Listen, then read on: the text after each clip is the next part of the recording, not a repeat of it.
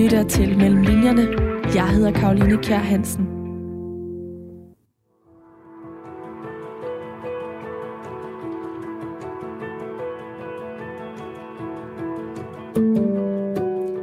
Det er helt uventet, at det en dag banker på hoveddøren i huset i Hvidovre. Udenfor står statsministeren og vil tale med Allan, den introverte digter, der bor alene med sin kat i kælderen. Det viser sig, at et digt fra hans hånd er det eneste, der kan få en fremskreden coronapandemi til at stoppe. Men Allan han har ikke tænkt sig at betjene politikerne, der er lukket for den poetiske aftapningscentral, som han selv siger til statsministeren. Og med det udsagn, der sættes alt i det danske land ind på at få digteren Allan til at levere det, der skal til for at afvæve flere dødsfald. Og således begynder romanen Frelseren fra Hvidovre, som udkommer på fredag den 29. oktober. Det er en roman, som sætter en masse aktuelle debatter på spidsen, for eksempel kunstens rolle under coronakrisen og den udbredte tendens til politisk korrekthed. Og så fletter den det sammen med en masse velkendte fortællinger fra fortiden. Frelseren fra Hvidovre er en vild, satirisk roman, og den er simpelthen svær at sammenligne med noget andet på markedet lige nu. Og derfor så er det den bog, jeg i dag dykker ned mellem linjerne i. Forfatteren bag er Kasper Kolding Nielsen, som jeg er rigtig glad for at kunne øh, byde velkommen til nu. Hjertelig velkommen til Radio 4, Kasper. Tak skal du have. Mellem linjerne, det er et program, der handler om forfatteres research, og du har blandt andet researchet til romanen her ved at læse det nye testamente. Den skarpe lytter kan med det en mente måske allerede nu gætte, hvad for nogle øh, velkendte fortællinger fra fortiden det er. Du fletter sammen med de her nyere spor om øh, coronakrise og politisk korrekthed. Men øhm, vi skal tale om den del øh, inden længe, men først så skal vi altså lige have lidt flere ord på, øh, på den her roman, som du sender på gaden i næste uge. Her i introen har jeg kaldt den øh, vild og satirisk. Hvad for nogle øh, ord vil du selv bruge om den? Jamen, jeg vil også sige, at det, er, øh, det er meget godt øh, at beskrive det som en satire, øhm, eller, ja, eller en komedie, eller hvad man skal sige. Altså, jeg vil gerne skrive en, øh, en sjov bog. Og, øh, men den er også alvorlig. Altså, der, jamen, altså det, jeg synes, den, den øh, behandler også nogle alvorlige temaer i tiden, og Ja, men jeg havde lyst til at skrive sådan en komedie. Altså, jeg har altid tænkt, at øh, den bog, jeg allerhelst vil skrive, det er en bog, der minder om den film, der hedder Dr. Strangelove af, af Stanley Kubrick. Det er sådan den stemning, jeg går til mig have i, i bogen. Så der på en måde er der en dommedagsstemning i bogen, men der er også en, men det bliver behandlet som en, en komedie. Du er kendt for at skrive sådan nogle meget fabulerende og satiriske øh, romaner, hvor du har sådan et tankevækkende fremtidsperspektiv, og alligevel så griber du ind i folks hverdagsliv og almindelige spekulationer, altså fletter det her med fremtid og dommedag sammen med det, vi oplever her og nu. Du debuterede som øh, forfatter i øh, 2010 med Mount København, som øh, du også vandt debutantprisen for, og så har du skrevet Den Danske Borgerkrig 1918-1924, der udkom i 13. 2018. 2018, ja, til 2024, der udkom i 13. Det europæiske forår, der udkom i 17, og dengang dinosaurerne var små, som udkom i 19. Og du er altså oversat til mere end 16 sprog. Frelseren fra Hvidovre er din femte roman. Og i den her, der følger vi digteren Allan. Hvordan vil du beskrive ham? Ja, men han er digt, altså han er tidligere digter faktisk. Han har holdt op med at skrive øh, digte selv, så det han gør nu, det er, at han øh, går på biblioteket, og så låner han en masse digtsamlinger, og så kopierer han dem over på A4-papir, eller sådan A4-papir, og så kommenterer han digtene og retter dem, øh, altså tidligere tiders digters digte, og det er det, han ser som sin øh, primære arbejde, og så sekundært, så er han øh, trafiktæller på Rødovervej. Og man kan sige, at han er sådan et øh, desillusioneret menneske, øh, som bare gerne vil være i fred. Altså han vil bare gerne være for sig selv i sin kælderlejlighed øh, med sin kat, der hedder Felix, og, øh, og det er det eneste, han har lyst til. Han ejer ikke flere ting, end at han kan have dem i en, øh, i en kuffert, mere Nej. eller mindre, og så... Øh, altså, han, du, han er virkelig en persona, har jeg lyst til at kalde ham. Han går i sådan nogle grønne crocs, ja. som jo så er blevet sådan meget modebevidste øh, mode inden sko. Men derudover så øh, er han meget bæredygtig. For eksempel så går han altid strømpebukser, og dem lapper han, så der er simpelthen sådan nogle øh, syninger over det hele. Så øh, hmm. jeg får virkelig billedet af en persona, ikke kun fordi han er, som han er, og sådan... Øh, ja, holder sig meget for sig selv og har sine helt særegne rutiner, men også fordi, at han, øh, han nok ikke ser ud som hvem som helst ja. på gaden. Mm-hmm. Er det ikke ja. korrekt? Jo, det kan man godt sige. Og så kan han godt lide at gå ture og gå. Han kan godt lide at kigge på dyr i byen, især duer. Og øh, ja, det er sådan set altså det, han laver. Og, og, og kan man sige, hele starten er jo sådan, er jo sådan en drøm om en eller anden form for isolation, som jeg også selv har lidt sådan drøm om bare at være totalt uafhængig og, og isoleret. Sådan. Så, altså, så det, det er lidt det, det handler om. Ja. Nu skal vi jo ikke spoil for meget for lytterne, men vi kan godt sige, at det lykkes politikerne og befolkningen at presse Allan til at levere det her digt. Mm. Men det er langt fra nok. Derefter så kommer der en masse krav til Allan, fordi han, man finder ud af, at han, han har nogle flere kræfter, der, mm. er, der er brug for. Mm, hvor meget synes du, vi kan fortælle om, øh, om handlingen, udover det her med, at han skal levere et digt for at øh, kunne stoppe coronapandemien? Ja, men altså, man kan vel godt sige, at han, øh, altså, hvert kapitel i starten handler om, at verdens mest betydningsfulde menneske i verdenshistorien gør et eller andet. Og øh, altså, han er ligesom, viser sig at være øh, den nye messias, en øh, Guds søn, og, øh, og en mand, der ligesom er i stand til at løse nogle af de store problemer, der er i verden. Og øh, det, det er til alle store overraskelse, ikke mindst hans egen. Altså, man er meget overrasket over det selv også, og, øh, og ikke særlig villig til at, at, at påtage sig den rolle der. Han vil virkelig gerne bare være alene, og det er også derfor, han ender med at give det her digt, ja. fordi han bare vil have, folk skal altså, for, for fjerne sig fra ham. ja, præcis. præcis. Nu sagde du her, at der også er nogle ret øh, alvorlige tematikker i øh, romanen. Altså udover at det er satire, og det er en komedie, og den rummer øh, meget humor, så sætter den virkelig også tingene på spidsen, som jeg sagde i, øh, i introen. Hvad for nogle øh, alvorlige tematikker synes du er værd at nævne her? Hmm, jamen altså sådan overordnet set, så kan man sige, at den handler om, den handler om flere forskellige ting i virkeligheden. Den handler jo selvfølgelig, som du sagde i introen, om kunst og kunstneren som, som karakter i samfundet, og, og så handler den også om, at jeg synes, der er ved at ske nogle ting i samfundet. Jeg synes, vores samfund bliver mere og mere moraliseret. Og det mener jeg ikke nødvendigvis i en negativ forstand, men, men moraliseret den forstand, at der foregår en masse, en, øh, en, en, en form for massekommunikation i, via de sociale medier, som på en eller anden måde har en moralsk karakter. Og, øh, og det er, tror jeg, noget, der er ved at, og det er noget, der lige er opstået, og det er noget, der tror jeg, jeg, jeg tror, vi griber om sig, fordi at, øh, at det er noget, der er, det er en form for kommunikation, som jeg tror måske er i stand til at løse nogle af de store problemer, som vi har i, i verden og i samfundet i dag, som vores retssamfund ikke har kunne løse. Altså, hvis jeg skal give et eksempel, så for eksempel, altså MeToo har skabt helt utrolige resultater på kort tid, fordi folk har mobiliseret sig på de sociale medier. Øh, min mor var feminist og aktiv i Dannerhus og alle mulige steder, og brugt enormt, enorm stor del af sit liv på at, at være feminist og rødstrøm på arbejde for kvinders rettigheder og ligestilling. Og øh, man må bare sige, at, at MeToo-bevægelsen har jo skabt nogle helt vildt spektakulære resultater på ekstremt kort tid. Jeg tror også sådan noget med for eksempel at få virksomheder til at betale skat. Øhm, det tror jeg ikke, man kan lykkes med at gøre af lovgivningens vej, men man kan måske gøre det ved at øh, ved at appellere til, at de er moralske, eller fordi at virksomheden ønsker at være moralsk, altså fordi det bliver opportunt at være moralsk eller etisk, opføre sig etisk.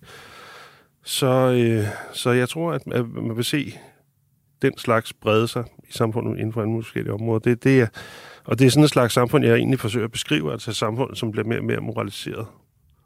Jeg kaldte det i introen øh, politisk korrekthed, og jeg var lidt i tvivl om, hvad jeg egentlig skulle kalde det, for man kunne også kalde det andre elementer, men det her med den her mobilisering, du taler om, mm. det ser vi helt konkret i romanen ved, at mennesker øh, tropper op og vil, øh, altså, de, de forsamler sig simpelthen, og det er ikke på grund af politikerne, de gør det, men netop på grund af, det kan man på en helt anden måde øh, i dag, med, på grund af sociale medier. Ja. Men men da jeg læste romanen, så tænkte jeg egentlig umiddelbart, det var meget tydeligt, at øh, vi får en coronapandemi, og du er en af de forfattere, der så har fået en idé til en roman ud fra coronapandemien. Men så mm. talte vi sammen kort, inden vi, vi står her i studiet i dag, og så fortalte du, at det egentlig begyndte med sådan et renhedsprojekt, som så kommer i forlængelse af den her mobilisering på, mm. øh, på grund af sociale medier og en form for øh, moralisering. Øh, altså øh, en form for renselse af, mm. af elementer, der ikke er øh, i orden eller øh, socialt acceptable. Det var de tidligere, og det er de ikke i dag.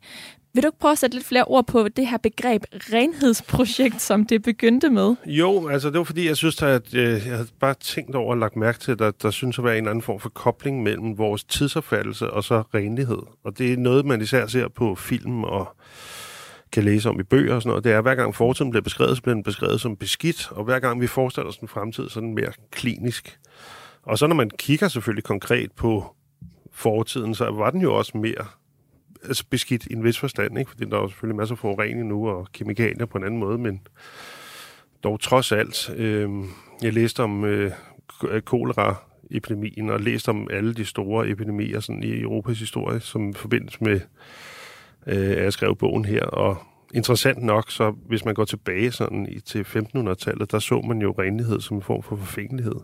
Altså, der var præster, der ikke vaskede sig, fordi at, øh, altså for at vise, hvor fromme de var, og hvor uforfængelige de var, ikke? og hvor optaget de var alene af deres sjæls frelse, og ikke af deres øh, fysiske fremtræden.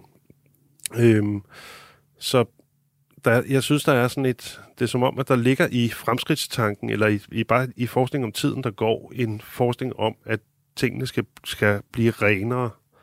Og det er også en renselse, som går på Øh, ikke bare på vores kroppe og på vores omgivelser, men også på sproget. Øhm, og det, det er så også et tema i bogen, altså. Øhm, og, og, det, og det er det jo så også, fordi altså selve handlingen, fordi det handler om en kunstner, og man kan sige, de karakterer, der optræder i bogen, er sådan i en vis forstand sådan lidt stereotype. Altså kunstneren er en, hovedpersonen er en stereotyp beskrivelse af en kunstner, ikke? Og, men kunstneren her, stereotypen, har så også en anden kunstnerven, ja. øh, Bent Jørgensen, som ja. øh, skriver en øh, bog, der hedder Fordommenes bog. Ja. Og den er simpelthen til slut i din bog. Så det er simpelthen mm. en bog i bogen. Og den arbejder han på. Der er en lille passage, hvor han forklarer øh, hovedpersonen Allan, hvad den går ud på. Skal vi ikke lige høre den, så kan vi tale mere om, øh, om temaet bagefter. Jo. Det er Bent, der er på besøg hos Allan, og de snakker om at han snakker om sit projekt Bent. Og så siger Allan, jeg er ikke sikker på, at jeg forstår. Jo, du gør. I gamle dage var pengeskabe altid tyske. Hvorfor? Jo, fordi alle ved, at tyskere laver kram. Det er altså en vældig modstander, men der er en anden og vigtigere grund, en moralsk grund, som samtidig i sig selv er umoralsk. Vi forbinder tyskere med nazisme. Det gør vi stadig, og det gør de for også selv. Så når pengeskabet er tysk, så bliver dem, der vil åbne det og stjæle indholdet, ikke bare simple 20-knægte. Nej, de bliver en slags modstandskæmpere, jernbanesabotører. Men nu siger hun så, han henviser til en kvinde i en remake-film af en film, der hedder The Italian Job. Og han henviser til pengeskabseksperten, en kvinde. Men nu siger hun så, at pengeskabet er israelsk. Shit, siger hun. Det er israelsk. Hvorfor siger hun det? Og hvad siger hun med det? For det første, så kunne hun vel næppe sige, shit, det er fra Kongo, vel? Nej. Alle ved, at israelere er dygtige, og det er de ikke i Kongo. Men jøder er kloge, det ved alle. Så et pengeskab, der er lavet af israelere, må være et svært pengeskab at åbne. Desuden så ved alle også, at jøder elsker penge, ikke? Ej, nu må du stoppe. Hvorfor? Jeg siger bare, at det er en fordom. At jøder godt kan lide penge, ikke? Der ville der endda være nogen, der mente, at mange af de store kapitalforvaltere var jødiske firmaer, at jøderne styrer den finansielle sektor. Du er jo syg. Nej, nej, det er fordom, jeg taler om. Det er en fordom, ikke? Så godt. Jøder er kloge og pengegriske, men der er mere. Det er ikke bare et jødisk skab. Nej, det er et israelsk skab. Og Israel undertrykker palæstinenserne ikke. Så vores fotomodel, pengeskabsekspert, og hendes venner positioneres ved at gøre pengeskabet til et israelskab, til nogen, der er et symbol, der på et symbolsplan ikke blot bekæmper den globale finanskapitalisme, men også kæmper på de undertrykte, undertrykte palæstinenseres side. Er det ikke genialt? Og alt det får hun sagt bare ved at sige, shit, det er israelsk. Og det er på grund af fordommene. Alle forstår hende omgående. Tak, Kasper Kolding Nielsen. Det her, den her passage illustrerer, hvordan øh, Bent har observeret de her fordomme og ligesom øh, vil samle fordommene i en bog. Og, og det er jo ligesom, den her udspringer fra din idé om, at en, en udrensning af øh, fordomme i sproget. Hvorfor blev du optaget af, af den tematik? Mm. Fordi at, øh, for, jamen, fordi at jeg, jeg har lagt mærke til, at, Altså, altså, vi taler meget om fordomme. Man, man må selvfølgelig ikke være fordomsfuld, og øh, der, der foregår sådan en debat, hvor man kommenterer på hinandens fordomme. Så man siger, hov, oh, der var en, der sagde eller noget fordomsfuldt eller stereotypen med en eller anden gruppe i samfundet. Men det, der generer mig lidt ved det, det er, at, øh, at vi jo alle sammen er mega fordomsfulde, og man kan se det på film. Altså især på film. Det her det er sådan et typisk eksempel. Og det optræder hele tiden på film, og det er fordi, at vi alle sammen forstår de der fordomme. Og, og derfor så er opgaven også ifølge Bent, ligesom at man skal måske ikke så meget være opmærksom på andres brug af fordomme, men måske være mere opmærksom på sine egne, og prøve at, at være, ja, være opmærksom på dem, mm. så godt man kan. Men jeg ved også, at du... Men de øhm, findes overalt. Jeg siger bare, mm. det, det, er jo, det, er jo, det er jo et større projekt. Ja, men hvad for nogle... Øh, har du nogle, nogle, nogle fordomme selv, som du øh, prøver at gøre op med? Øh, eller er der nogle fordomme i vores samfund, som du synes er helt afgørende at få gjort op med? Og at vi kan gøre det ved at, at, at bruge vores sprog? Jamen, der er, jo, altså, der er jo virkelig gang i et eller andet form for opgør i øjeblikket, og jeg tror også, det har meget at gøre med de sociale medier. Altså, det, det er jo meget interessant, at for fem år siden, der var folk, alle folk pistrætte af feminisme, og nu er, er det jo noget, man anerkender som et, et vigtigt emne, og hele, altså, ja, der, det er som om, at der er et opbrud i forhold til måden, vi opfatter os selv på mænd og kvinder på, og i hele taget vores kønsidentiteter. Og, øh, og det jo, synes jeg er fantastisk positivt. Og det er jo, men det er jo noget, der sker, og, og det er jo en svær kamp. Selvom der sker meget, så det er jo stadig en svær kamp, fordi der knytter sig en masse forestillinger til kønnene, og en masse forskning om, hvordan vi skal være. Og men det er vel også i forhold til, til et, etniciteter? Og etniciteter, ja. Altså, øh, mine børn er øh, halve asiater. Min kæreste er adopteret fra Sydkorea, da hun var 6 måneder, og altså, det, det har været ret vildt at opleve, hvor meget mine børn har hørt for at være øh, halve asiater. Altså, hvis jeg ikke havde oplevet det selv, så ville jeg, tror jeg ikke, jeg ville have troet på det. Hvad er det for eksempel? Jamen, altså, det er sådan, når min søn har spillet fodbold og sådan noget, så er der altså, for, for tid til nogen, der råber et eller andet efter ham. Sådan. Og altså, jamen, sådan små hverdagslige ting, Øh, og så sådan nogle lidt mere alvorlige ting engang. Men der var en voksen mand, der skubbede til ham for nogle år siden, da han var i, i Kongens Have, og, og sagde, at han skulle skride hjem til sit eget land og sådan noget. Altså det, men, øh, men også sådan, for eksempel, jeg, jeg snakkede med min datter, som fortalte, at når man så tegnefilm, jeg husker, når hun så tegnefilm, når hun lille, så den måde, man typisk viser asiater på, det er jo altså faktisk så stereotypt, at de nogle gange har sådan rigshat på, ikke? Og, eller også er de i hvert fald små øjne og store fortænder, så er de gode til matematik, eller arbejder i et laboratorium eller sådan noget. Ikke? Og det, er jo, øh, det kunne godt være irriterende at, at blive beskrevet sådan der hele tiden. Og i øvrigt skulle forholde sig til, altså, at man ligesom er udenfor, og man skal forklare, hvem man er, hvor man kommer fra og sådan noget hele tiden. Så, øhm, og så var der nogle ting under corona, altså lige da coronakrisen startede, hvor de også oplevede nogle ubehagelige ting. Noget sprogligt? Nej, men bare på gaden. Altså, der var nogen, der sådan et par gange oplevede de, at der var nogen, der sådan hostede sådan efter dem sådan demonstrativt. Fordi at et eller andet med corona, det er lige starten. Og sådan nogle ting. Man tror, det er løgn, men... Øh, det lyder helt vildt. Det lyder helt vildt, ja. Men det er, det er virkelig vildt, hvad der foregår. Men nu sagde du lige før, ja, nu sagde du lige før, at, at vi har jo alle sammen fordomme, så det lyder til, at du også har været en proces igennem med at forstå, altså at acceptere, at du har også fordomme for at forstå andre menneskers fordomme i det her tilfælde, eller, eller hvordan, øh, ja, hvordan skal det forstås? selvfølgelig har vi jo alle sammen fordomme, og det er jo derfor, at man bliver nødt til at prøve at konfrontere sig selv med de der fordomme. Man bliver nødt til at prøve at bevidstgøre dem for sig selv, øh, for ikke at blive øh, altså totalt idiot. Og øh, Det synes jeg at, at sådan set er et værdigt projekt. Det er jo bare et enormt omfattende projekt, men det er da Ja. vigtigt at gøre. Og, og det er ret interessant, for Allan siger jo også i øh, romanen at, øh, til Bent her, at, at det er jo hans fordom. Han kan jo ikke generalisere de her fordomme. Det er hans øh, fordomme, men alligevel altså, prøver han jo også at argumentere for, at der er nogle fordomme, vi har til fælles. Ja, altså han argumenterer for, at de er både inde i ham, altså det er selvfølgelig hans specifikke fordom, men at fordom også altid er, er generelle. Og, øh, og, øh, og det er de også. Altså, min- altså min pointe med det er, at, at der er nogle fordomme, der er nogle måder at rense sproget på, som er relativt simple. Øhm, man kan for eksempel holde op med at bruge ordet svans nedsættende. Det er jo, det er jo relativt nemt. Altså, man kan holde op med at bruge n-ordet og, og sådan nogle ting. Men så er der alle de andre fordomme, vi har, som vi alle sammen går rundt og har og deler, og som virker sådan lidt mere tilforladelige, eller som vi ikke udfordrer så nemt, fordi, at, fordi de er ikke så synlige, eller de er ikke så markante. Og, øh, og det, jeg, jeg, jeg vil bare gerne gøre opmærksom på, at det er noget, vi alle sammen har, fordi at, at det, det må vi have, fordi at ellers er der utrolig meget på film, der ikke giver mening, hvis vi ikke havde de der fordomme. I, øh, I filmen, der bliver refereret til i passagen her, der øh, er det jo blandt andet jøder, som bliver eksemplificeret øh, i forhold til at øh, fremlægge de her fordomme, der er forbundet med dem. Og en del af din research, den har handlet om noget religiøst, og det skal vi tale om nu. Mm.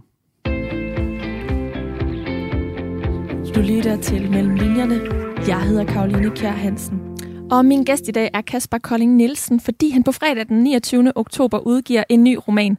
Frelseren fra Hvidovre hedder den. Det er en satirisk roman, og den bygger på research inden for flere forskellige artede fagfelter. Blandt andet det religiøse, som nærmere bestemt er det nye testamente, men også kvantemekanik. Og øh, sidstnævnte, den der vil lige ligge for en stund. Lad os begynde med det mest øh, håndgribelige, det nye testamente, Kasper. Øhm, prøv lige, inden vi taler om, hvordan du har researchet det, så prøv lige at skitsere, hvordan det nye testamente har noget med frelseren fra Hvidovre at gøre. Uden at spoil for meget igen. jo, men det er jo, altså, det, er, det, er, det er jo bare fordi, det er en historie om en messias, og, øh, og der findes jo en historie i forvejen. Altså historien om Jesus. Mm-hmm. Og øh, kan man sige, jeg havde sådan to oplevelser i, i den forbindelse, som egentlig fik mig til at læse det nye testamente igen. Altså, jeg, jeg har læst det før. Men jeg tror, jeg læste det Testament i gamle dage sådan lidt af pligt, eller fordi det skal man jo gøre, eller det virker dannet, og at man, har, at, ja, man bør læse det, det tekst, man bør læse. Men så havde jeg sådan to oplevelser, der gjorde, at jeg blev sådan lidt mere nysgerrig på det, sådan på en anden måde. Og det ene var, at jeg var med mine børn i i sådan en jule, altså på, i julekirke, hvad hedder det? Der er sådan hvert år, så deres, på deres folkeskole, så tager man i St. Pauls kirke med Nyboder, og så holder, bliver- holder præsten en gudstjeneste for børn, ikke? Og så er hele kirken fyldt med børn, og forældrene sidder i baggrunden, og så hænger der, er der bare en, i den kirke en meget stor Kristusfigur, der hænger på et meget stort kors, ikke? Og så slog det mig bare, altså hvor er det dog en sindssyg historie, altså den her lidelsesfortælling. Altså der her en nøgen mand, en nøgen, såret, blødende, ulykkelig mand på et kors. Og det er ligesom den fortælling, vi har i vores samfund. Og, så, og de der børn sidder og kigger på den der fortælling der. Og det slog mig bare som, altså kender du ikke det, når man nogle gange, måske når man har børn, så nogle gange så, op, så er det som om, man oplever tingene, hvis man er heldig, så er det som om, man ser tingene for første gang. Og så er man jo så vant til at se det der billede af Jesus, der hænger på korset, så man måske ikke reflekterer så meget over det, men det er jo egentlig en ret vild symbol at have i kernen af vores samfund. Altså en, en blødende, såret mand, ikke? Et, så en, et lidende væsen. Øh, det var den ene ting, sådan en oplevelse, jeg tænkte, hvor er det dog en sindssyg historie. Og, og var det, fordi dine børn kommenterede på det? Eller? Nej, det var bare fordi, at der var alle de der børn der, og så sad jeg ligesom og kom jeg til at se det med deres øjne, Nå, ja. som sådan et underligt symbol. Det er sådan som- sammenstød. Altså, ja, på en eller anden måde, ja. at, at det var mystisk, at, at, Mm. at, at de skal ligesom lære, at, at det er en helt central symbol, og det er en helt central historie for at forstå vores kultur. Øh, det var det ene, og så det andet, så det var simpelthen, jeg tænkte, at, at det er jo fantastisk, at der findes en tekst, som ikke engang er specielt lang, øh, det nye testamente, som, altså, som alle jo historisk refererer til. Alle de store filosofer, alle de store forfattere, har læst den tekst og forholder sig enten eksplicit eller implicit til, til den tekst, så det er jo en sindssygt potent tekst, og en sindssygt interessant tekst at læse. Øh, fordi at det er, det er ligesom den tekst, vi overhovedet har, som på en eller anden måde udgør et moralsk fundament for, for vores samfund, eller giver os sådan nogle, øh, ja, altså viser os, hvad der er rigtigt og forkert, ikke? Altså, man kan selvfølgelig sige meget sådan filosofisk om, om moral, og, men, øh, men grundlæggende så er det sådan det indholdsmæssige, altså en indholdsmæssig sådan forklaring af, hvad, hvad det moralske og det etiske er. Du er oprindeligt uddannet i erhvervsøkonomi og filosofi fra CBS, hvor du også har undervist i flere år, før du debuterede som forfatter. Mm-hmm. Og øh, det lyder for mig allerede som om, at du jo har altså, havde et, et forhåndskendskab til det nye testamente. Det har mange selv sagt, men, men som, som filosof øh, lyder det også til, at du har andre perspektiver på det her, det her skrift. Hvad gjorde det ved dig at læse det på ny? Ja, altså, men jeg synes bare, det var... Jeg ved, jeg ved det ikke, fordi at, at altså, Ny Testament er også en virkelig underlig tekst, og Jesus siger nogle helt vildt underlige ting. Det må da også være lidt tungt at læse. Jo, men det er jo, det, er jo, det er jo også noget af det, der gør det interessant. Altså, men, men jeg, har, jeg har en ven, der er præst, og så ringer jeg til ham på et tidspunkt, der, øh, i forbindelse med noget, Jesus sagde på et tidspunkt, øh, i forbindelse med, jeg kan ikke huske historien helt, men det er, da Nicodemus opsøger Jesus om natten. Og så og jeg synes bare, at den historie var så kryptisk. Og så ringer jeg til mine venner, der er præst, og spurgte, hvad, hvad er det, han mener der? Altså, hvad mener Jesus? Og så sagde han, øh, ja, øh, yeah, altså, det, det er et godt spørgsmål. Ikke? Altså, altså, altså, det er jo en meget mystisk tekst, hvor meget af det, han siger, også kan udlægges på utrolig mange forskellige måder. Øhm, så, altså, altså ja, grunden til, at jeg ikke rigtig vil sige noget, det er fordi, at man, altså, det er jo virkelig en, en videnskab. Altså, jeg, jeg kan jo ikke sådan sidde og udlægge hvad det sådan helt centrale budskab er i, i det nye testamente, men... Men, men Kasper, jeg har kunne læse, at du har jødiske rødder. Mm. Så hvordan var det for dig at tage sådan et, øh, et, et skrift, der er så centralt inden for den kristne tro? Altså, øh, hvordan, hvordan var... Jeg er ikke opvokset jødisk, det var bare altså min mormor, der var jøde, men så, så du har... Du, det, det har ikke betydet så meget nej. for det. Altså, det var mere bare... Vi har altså, bare hørt mange historier fra om 2. verdenskrig, mm. da vi var børn. Det, det er sådan, sådan det mest... Så det har ingen sådan religiøs betydning nej, for dig? Nej, jeg spise noget jødisk mad og sådan noget. Nej, det har ikke rigtig nogen religiøs betydning for mig. Jeg er nej. ikke opvokset jødisk overhovedet. Heller ikke religiøst på nogen måde. Mm. Så jeg føler mig egentlig bare altså, som en dansker, der har været sådan kulturkristen, ligesom, ligesom så mange andre. Mm. Men, øh... Men du siger det her med, at der er jo mange Øh, vanvittige fortællinger i mm. øh, det nye testamente. Mm. Hvad, hvad var det mest tankevækkende? Jamen, jeg synes, det var sjovt, at Jesus var træt af, af mange af de følger, han havde. Det synes ja. jeg var, var virkelig sjovt. At man kunne fornemme, at han var sådan lidt, og den orkede ikke rigtig tit. Jeg synes også, at han talte lidt hårdt til folk nogle gange. Altså, hvor han sådan ikke, ikke orker dem rigtigt. Det synes jeg var, var ret sjovt. Mm. Det gør Allan jo heller ikke. Nej, nej, han, han overgår sig slet ikke. Vel? Nej. nej. Skal vi ikke lige høre en lille passage fra romanen, hvor man kan øh, se noget af den viden, du har... Eller man kan i hvert fald godt fornemme de her religiøse spor, øh, en parallel mellem det nye testamente og, og romanen her. Men, men jeg må også lige understrege for lytterne, at der er... Altså, det spor bliver udfoldet meget mere til slut, og det kan vi ikke rigtig tale Nej. om uden at, at, at spoile for meget, men, øhm, men det her det er ligesom begyndelsen af sporet. Ja, altså på det her tidspunkt, der har det vist sig, at uh, Allan, han, han ikke bare, du ved, ved, ved at skrive digt, kan forbedre verden. Han, han har skrevet digt, som har kickstartet økonomien i Frankrig og alt muligt andet. Men uh, det viser sig også, at han kan helbrede folk. Og, uh, og nu har nu der ligesom samlet sig tusindvis af folk foran hans hus, som på en eller anden måde hylder ham og følger ham. Og som han er ret træt af. Ja, han prøver hele tiden at flygte fra dem, og han er helt smadret på det her tidspunkt. Og desuden er Vesu gået udbrud, så der er en stor askesky, der hænger over hele Europa og det nordlige Afrika og dele af, af Mellemøsten, og så derfor så er der natmørkt hele tiden. Og øh, Allan han er så flygtet op på Magen København. Han bor i Hvidovre og lige ved siden af Magen København. Og, øh, og der bliver han ligesom, han er, men han, kan ikke, han, han gør det for at slippe væk. Han har taget sådan en kabine for at slippe væk for, for journalisterne, men han, de bliver ved med at omringe ham. Og til sidst går han op på en lille forhøjning, og så råber han, Stop! Kan I ikke bare lade mig være? Jeg har skrevet det fucking digt, der jeg vil bare gerne gå en tur med min hund alene. Mens Allan talte, skete der noget, som verden aldrig skulle glemme igen. Mens han var i, guld, i fuld gang med at skille journalisterne huden fuld, åbnede de sorte askeskyer sig et kort øjeblik, og en solstråle, skarp som tusind projektører, stod som en brændende søjle for den sorte himmel og oplyste Allan, som han stod der med Agnes i favnen. Hunden lignede et lille lam. Over Allans hoved flaksede duerne rundt i luften som sjæle, der stiger til himmels. Verden omkring ham genvandt kortvarigt sine farver. Det var et helt utroligt og vidunderligt mirakel, som om hele verden blev født for ny. Alle missede med øjnene.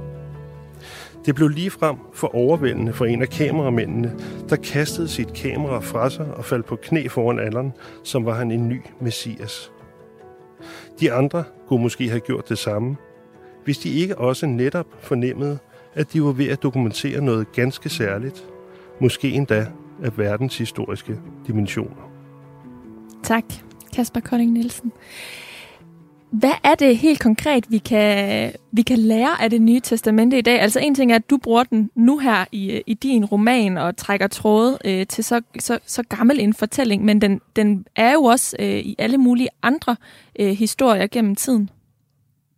Jamen, altså som, som, som jeg sagde før, så er det, så det sådan, altså, du ved, der er en tysk filosof eller samfundsteoretiker, der hedder Niklas Luhmann, og han siger, at kommunikation eller moral, det er Øh, det er diskussion, det er kommunikation om, hvad der er godt og hvad der er ondt. Og sådan kan man selvfølgelig, så, så kan man henvise til Kant eller Nietzsche og, eller utilitarismen og, og diskutere sådan moral på den måde, men sådan de rent kvalitative, sådan det indholdsmæssige i det moralske, altså hvad det, vil, hvad det vil sige at være moralsk retfærdig og, og sådan noget, det, det, det, er jo, det har vi jo fra Bibelen, altså. Og, øhm, og, og især det nye testamente, altså, og, og det er jo i sidste instans, at altså, moralsk består i at, at bruge Jesus, se Jesus som et ideal for sin egen eksistens, for sin egen måde at være på i verden. Og, øhm, også selvom han er lidt træt af sine følgere. Men så er der også nogle ting, ja, men så er han jo på en måde også en oprørsfigur, ikke? Altså han er også en oprørsfigur, der gør oprør mod nogle, øh, noget etableret, etableret samfund, som er konservativt, og hvor man ligesom har vundet øh, hævd på at have magten, måske uden at reflektere over eller gøre sig fortjent til den, og øh, udvirker sin magt på sagsløse, og hvor han ligesom vender det hele på hovedet og, og giver magten til de svage og de udstøtte, og øh, ja, dem, der intet har. Ikke? Og, det, og det er jo også det, jeg synes, ikke fordi det, det hele er en stor analogi, for det, det ville være virkelig kedeligt, hvis det var det, men det er jo også noget af det, som der sker med de sociale medier. Det, vi ser jo også, at nogle af dem, som ikke havde en stemme før, dem, der ikke kunne trænge igennem og udtrykke deres syn på verden, øh, dengang i gamle dage for bare 10 år siden, hvor verden blev udlagt i høj grad gennem de store mediehuse i de store byer. Der var en lang række mennesker, der ikke kunne komme til ord der, blandt andet faktisk kvinder med deres overgrebshistorie og folk med, øh, med anden etnisk baggrund og, og sådan nogle ting. Folk, der så anderledes ud og var anderledes. Folk, der var minoriteter eller fattige, eller de havde svært ved at komme til ord. Og, øh, men de, de kan jo, har jo virkelig mulighed for at komme til ord nu gennem de sociale medier, og det er bare et, øh, det er et spændende fænomen, der foregår. Det er en form for superdemokratiseringsproces, hvor hvor alle ligesom kommer til ord, og det minder lidt, synes jeg, om sådan, det er sådan en form for religiøs bevægelse, mm. nærmest. Og, og den her superdemokratisering mm, bliver jo også øh, de led, der, der diskuterer, debatterer moral, som er til forhandling. Altså der står nogen, der kan forhandle, og det er mange stemmer efterhånden på grund af sociale medier. Er det derfor, at Jesus og øh, det nye testamente og moral øh, knytter sig så direkte an til, til romanen her? Ja, fordi jeg synes, at, øh, at, at, at vi lever i en tid, hvor det lige pludselig bliver sådan opportunt at være moralsk. Og, øh, og det kan godt være, at man ser, at mange af det er nogle udvendige grunde, altså at, at nogle æstetiske grunde, eller fordi de gerne vil præsentere sig selv på en særlig måde, eller måske ser nogle virksomheder, der for eksempel forsøger at fremstille sig selv som nogen, der går ind for ligestilling og social retfærdighed og grøn omstilling og sådan nogle ting. Men, øh, men det vil være svært i den verden, vi lever i nu. Der er det svært at promovere sig selv på sådan nogle værdier, hvis man ikke så også gør det. Mm. Og, øh, og derfor så tror jeg, at det, man, vi i stigende grad vil se, at det vil være opportunt at være altså moralsk. Og det er den bevægelse, en stor bevægelse, der foregår i øjeblikket. Og det er en sindssygt spændende bevægelse, som jeg tror virkelig vil gribe om sig. Jeg tror, det har potentiale til at forandre vores øh, samfund og vores verden på en virkelig dramatisk måde. Og det var, jeg vil gerne forsøge at beskrive en verden, som er, altså, som er styret af moral. Og altså, hvor folk gør noget for, i sidste instans for at redde deres sjæl, eller for ikke at blive fordømt i hvert fald. Har vi brug for flere af den slags i dag? Er det for at sætte et eksempel?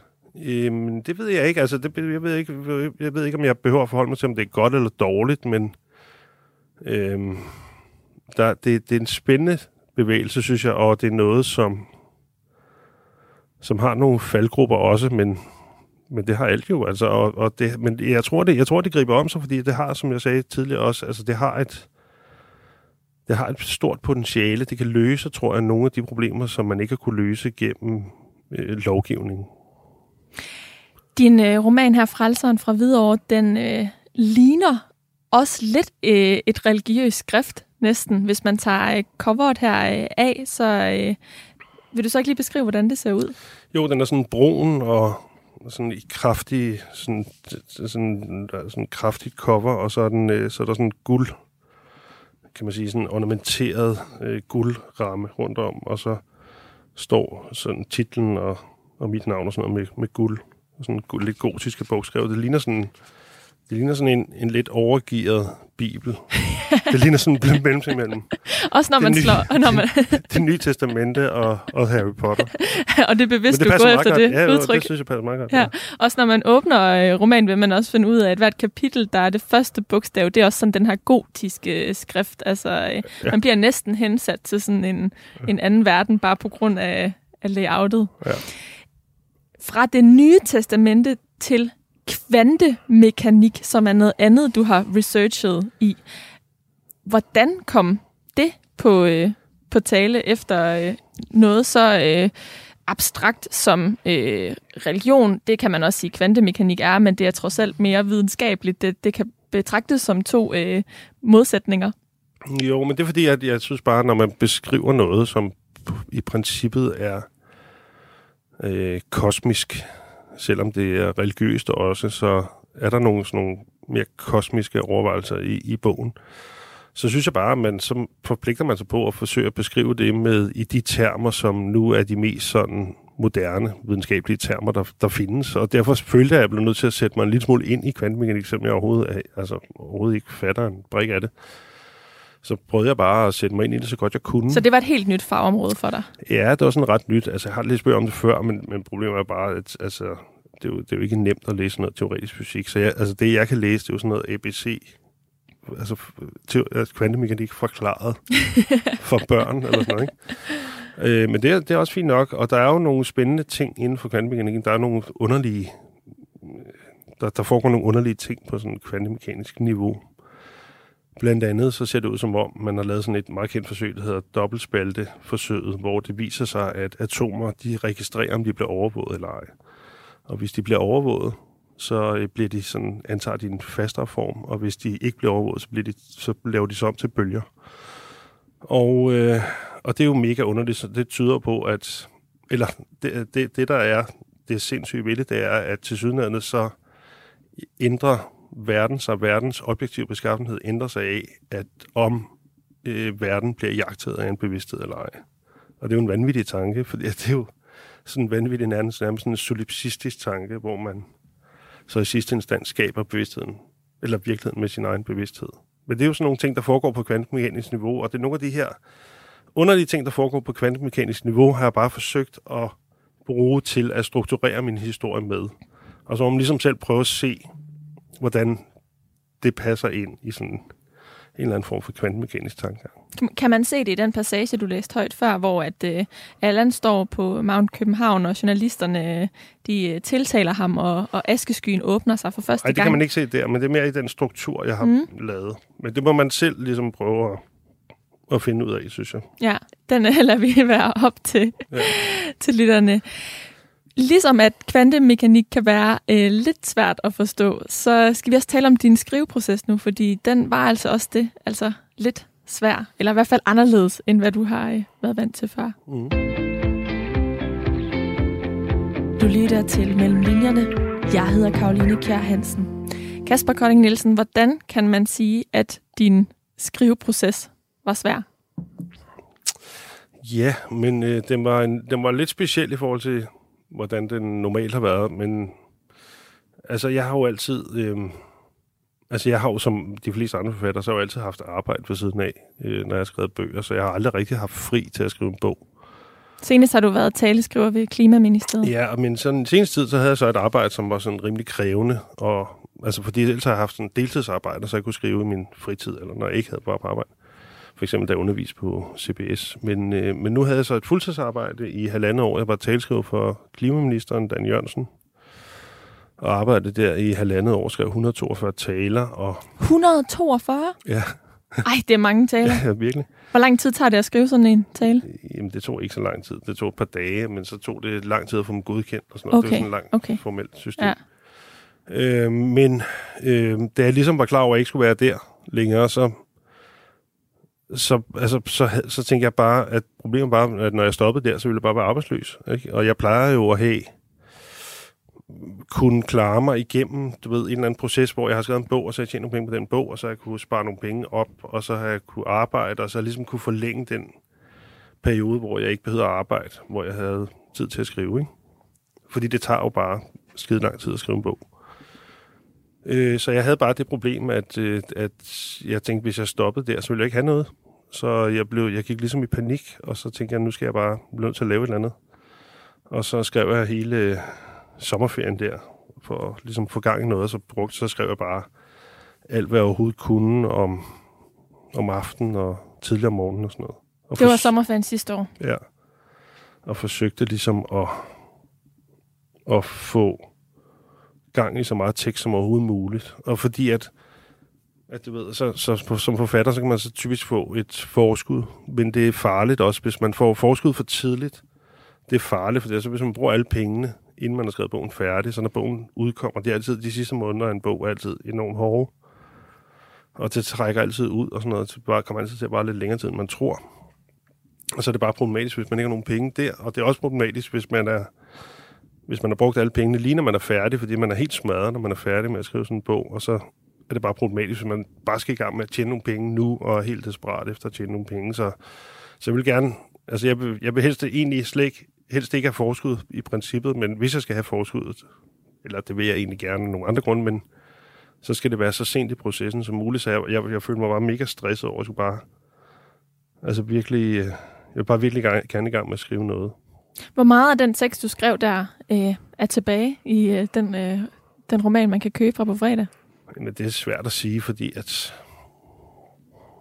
man skriver jo meget, og så, og så sletter man jo også meget og flytter rundt på tingene. Og, altså, det er svært at sige, og det sidste måske halve til et helt år, er, i hvert fald i min skriveproces, er sådan en bog der, det er, jo, det er jo sådan en redigering, hvor man tager ting ud og lægger noget nyt til. Og, så det er jo svært at sige præcis, hvor meget der er tilbage af, af det oprindelige, man skrev. Altså, jeg ved det sgu ikke, altså. Men man skriver jo meget mere end, end det, der ender med at være bogen. Altså, man var i hvert fald man har sikkert måske skrevet det dobbelt, jeg ved det ikke. Mm. Jeg ved, du har en, øh, en læsegruppe, som du øh, er meget glad for at gøre brug af i skriveprocessen. Nogle de bruger deres redaktør rigtig meget, men du vil egentlig gerne lave dit så færdigt som muligt, før du sender det til din redaktør. Derimod bruger du så den her læsegruppe. Kan du sætte lidt flere ord på den øh, læsegruppens rolle i din skriveproces? Ja, men det har noget med at gøre, at, øhm, at det, det er rigtig godt at have en redaktør. Det at man har brug for, man har brug for at have nogen udefra til ligesom at at guide ind igennem altså det, det er at skrive en bog, fordi at der sker et eller andet, også når man kommer over 200 sider, så, altså, så kan man næsten ikke huske, hvad det er, man har skrevet, og det er svært at, at genopleve sådan det, man oplevede selv som rytmen i bogen, eller den dramaturgiske opbygning og sådan nogle ting. Altså det, det kan være svært selv at genopleve det, når man læser det selv, det man har skrevet for 50. 20. gang, eller sådan noget. Så man bliver ligesom blind på det, så man har virkelig brug for at have nogen udefra til at hjælpe en.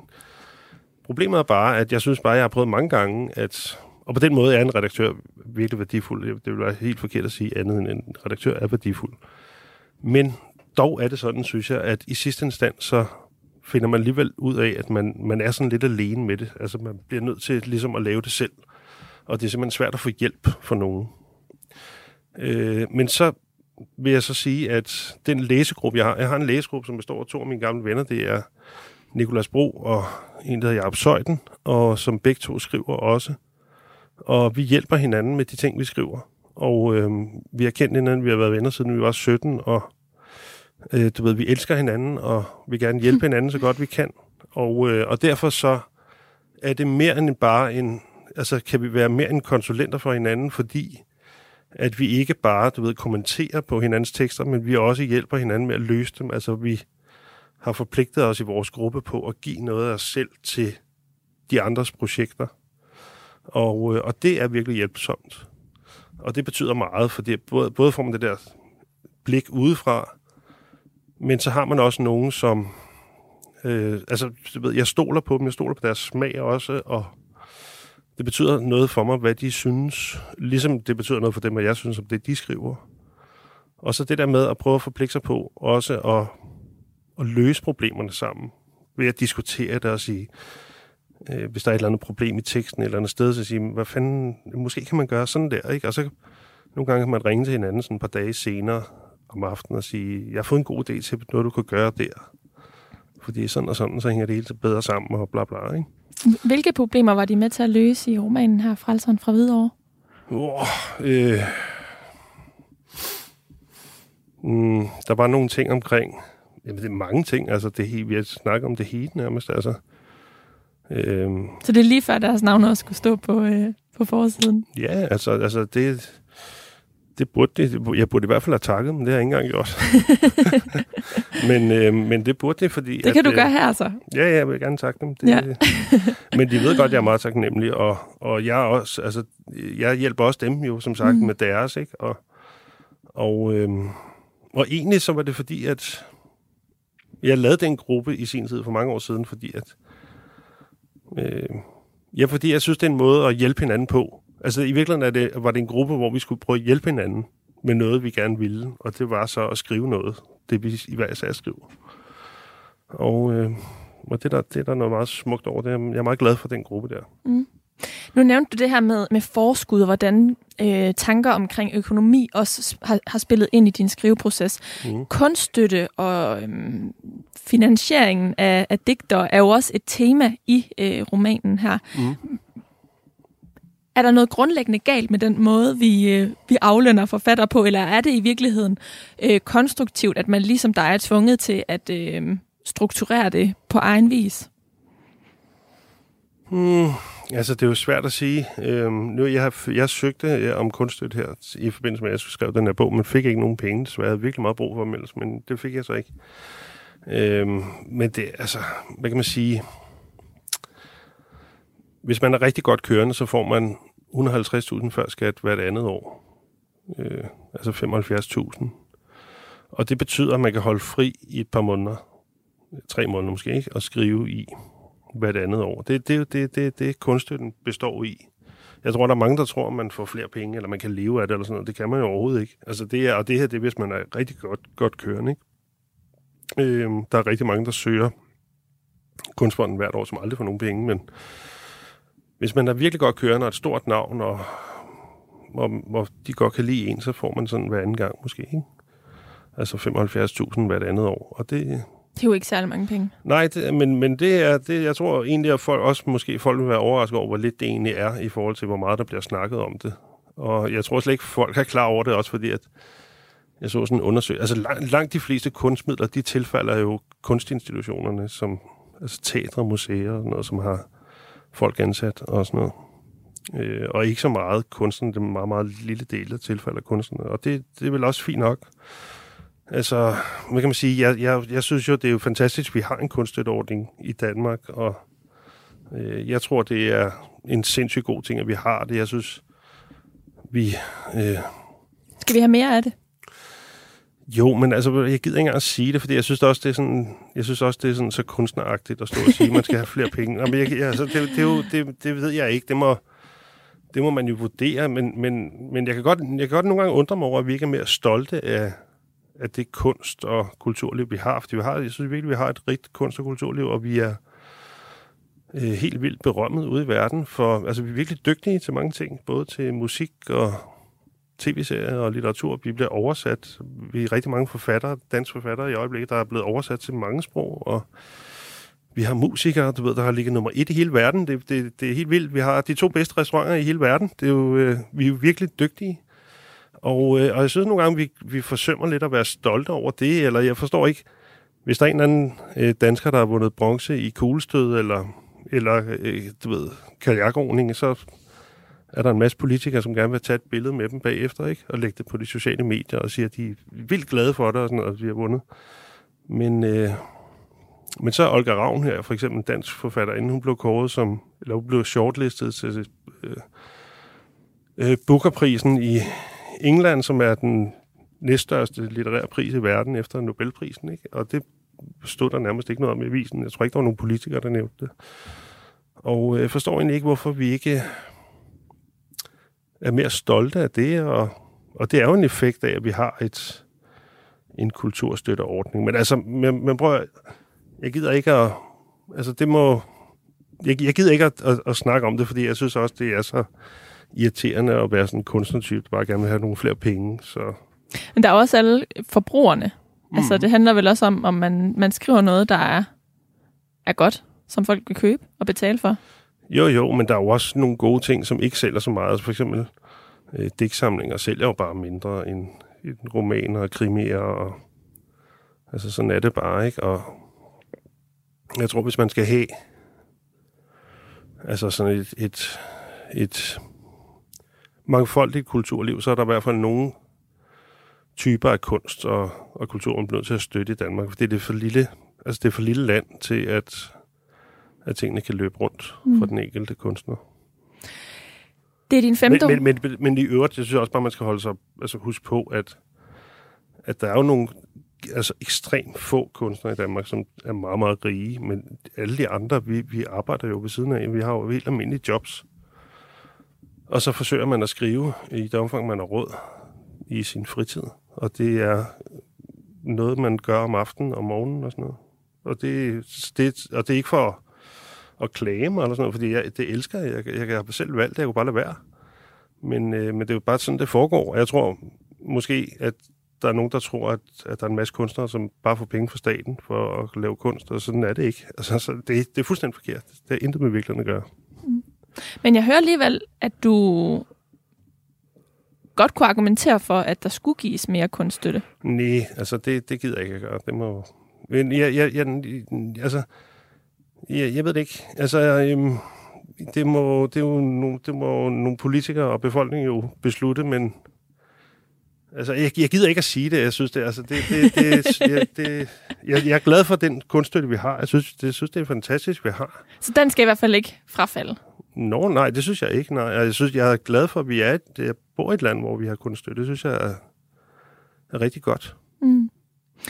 Det er din femte roman, og øh, nu har du så skrevet den uden kunststøtte. Ja. Men hvad er det vigtigste, du har lært af, af processen med den her? Altså, øh, femte gang, kan man lære noget nyt hver gang, eller hvordan? Altså, jeg ved det ikke. Altså, jeg er pisse nervøs. Den udkommer her den 29. Jeg er altså ved at skide grønne grise over, at den skal ud. Og... Hvorfor? Jamen, bare fordi jeg er bange for at blive slagtet. Og jeg er bange af, af anmeldere, og jeg er bare bange for sådan at blive offret. Altså, nej, jeg er bange for at blive jeg er bange for at blive afsløret sådan mest. Altså bange for at blive, at der er nogen, der skriver, nu, nu må det simpelthen stoppe med det der. Altså, at han tror, han skal skrive bøger. Altså, det, det, det, det er sådan noget, jeg kan vågne op og tænke om natten. At, øh, at nu er det ligesom slut. At jeg bliver afsløret som, som fupmager.